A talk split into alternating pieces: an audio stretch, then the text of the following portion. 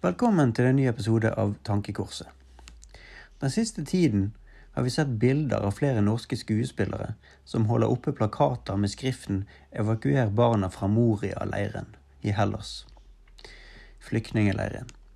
I forutsigbar stil, i likhet med sine Hollywood-kollegaer, støtter de en liberal innvandringspolitikk i godhetens tegn. For hvem vil vel ikke være god, og få skryt for hvor god en er? Og slik populisme, for det er det det er, preger de fleste partiene i Norge i dag. Arbeiderpartiets leder Jonas Gahr Støre snudde som en værhane fra ene dagen til den andre. 16.4 nektet Støre å ta imot flyktninger fra Moria, og uttalte at vår hovedlinje må være å hjelpe der behovene er størst.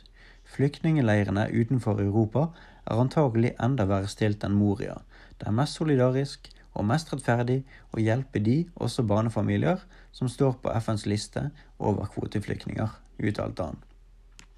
En kunne her tro at Ap for en gangs skyld tenkte noenlunde rasjonelt og i et større perspektiv, på tross av at de da ønsker 3000 kvoteflyktninger via FN, eh, selv om undertegnede egentlig mener at de enorme integreringsutfordringene vi har i dag, burde tilsi at vi har full asylstopp.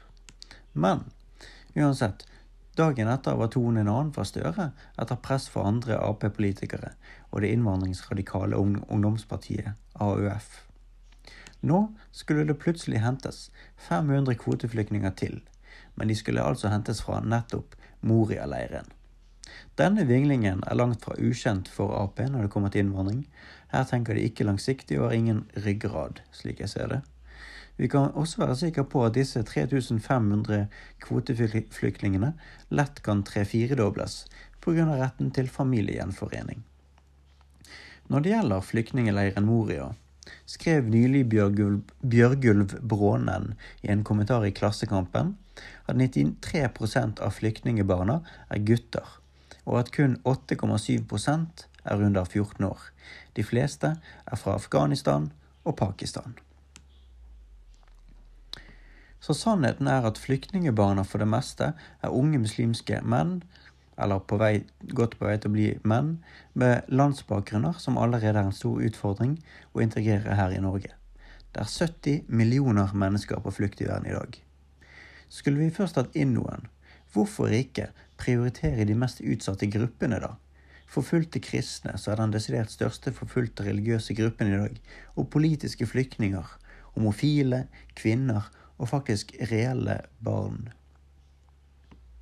Som nevnt tidligere i podkasten min om hvorfor jeg er nasjonalkonservativ, så er altså en tredjedel av Oslos befolkning innvandrere. Og det er nesten en femtedel av Norges befolkning. TV 2 eh, Selvfølgelig er det forskjeller her i hvilke, altså i, i hvilke innvandrergrupper vi har. Og noen integreres selvsagt bedre, bedre enn andre, men med flere ikke-vestlige grupper, så er det en utfordring i å integrere, og at de holder seg mye for seg sjøl.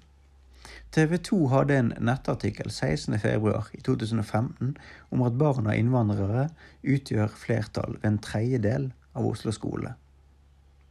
I syv av disse skolene er disse elevene over 90% og i flere år har hver fjerde Oslo-elev måttet ha ekstraundervisning i norsk. Hver fjerde Oslo-elev.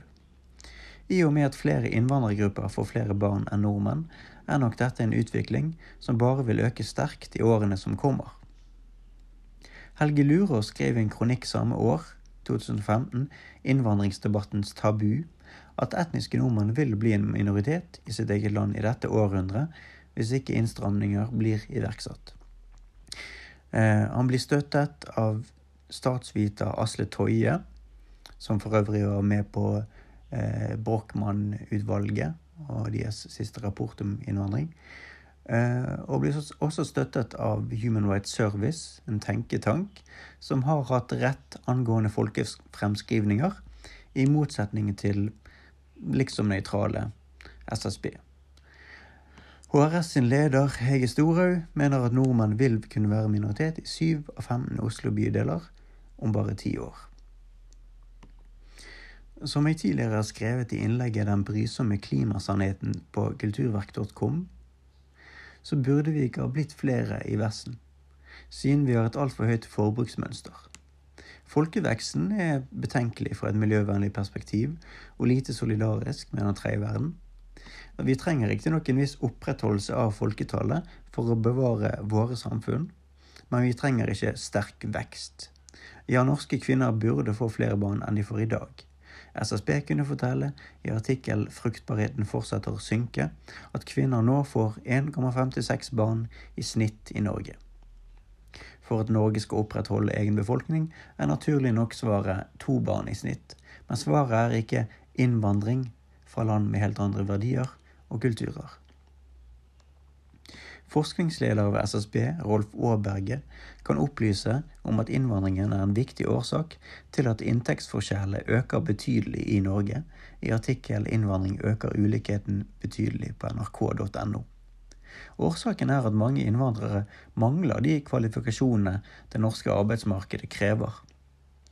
Mange ender i dårlig betalte stillinger eller får ingen jobb i det hele tatt. Det er få innvandrerkvinner fra spesielt Pakistan og Somalia som jobber, med henholdsvis 35 og 32 deltakelse. Somaliere er for øvrig den tredje største innvandrergruppen i Norge. Vi må rett og slett ta inn over oss at uh, det har gått for langt. Det har gått altfor langt. Uh, det har skjedd en enorm endring av Norge i løpet av veldig få tiår. Som Brochmann-utvalget eh, konkluderte med i sin nyeste rapport, så kan innvandring, eh, sterk masseinnvandring, true velferdsstaten. Og også true det felles eh, limet som tilliten og de felles verdiene er. Det kan splitte Norge. Uh, og vi har altså hatt en rekordstor innvandring på kort tid. Eh, nå er det altså sånn at en femtedel av Norges befolkning har innvandrerbakgrunn. Og en tredjedel er altså da i Oslo. Eh, hvorfor skal vi tillate å ta inn tusener på tusener, sånn som vi gjør i dag, via innvandring, og også via asyl, som selvfølgelig da også er innvandring? Vi må faktisk tenke på at vi er en ørliten minoritet, det norske folket med sin kultur, um, i verdenssammenheng. Og som Steinar Lem, tidligere leder for Fremtiden i våre hender, sa tørde å si rett før han døde, uh, så sa han at som Tibet så er faktisk også nordmenn et eh, folkeslag som har krav på å bli vernet som et eget folk med egen kultur. Det fins altså veldig mange mennesker i denne verden som er flyktninger, og som trenger vår hjelp. Og med de enorme ressursene som Norge har, så mener jeg at det er en god kristen plikt å hjelpe dem, men at det må være der de er. Det er altså sånn at eh, syriske myndigheter og somaliske myndigheter har bedt sine unge, friske menn om å komme tilbake og bygge opp landene sine. Flere av de vil jo ikke det. De vil heller være her fordi at de vet at de får mye penger. De vet at det er et paradis på mange måter i forhold til der de har kommet ifra. Men vi gjør verken de landene eller oss sjøl en tjeneste ved å fortsette dagens liberale asylpolitikk. Vi må rett og slett bare si at nok er nok, og prøve så godt vi kan å assimilere de innvandrergruppene som vi har per i dag i Norge. Talk för me.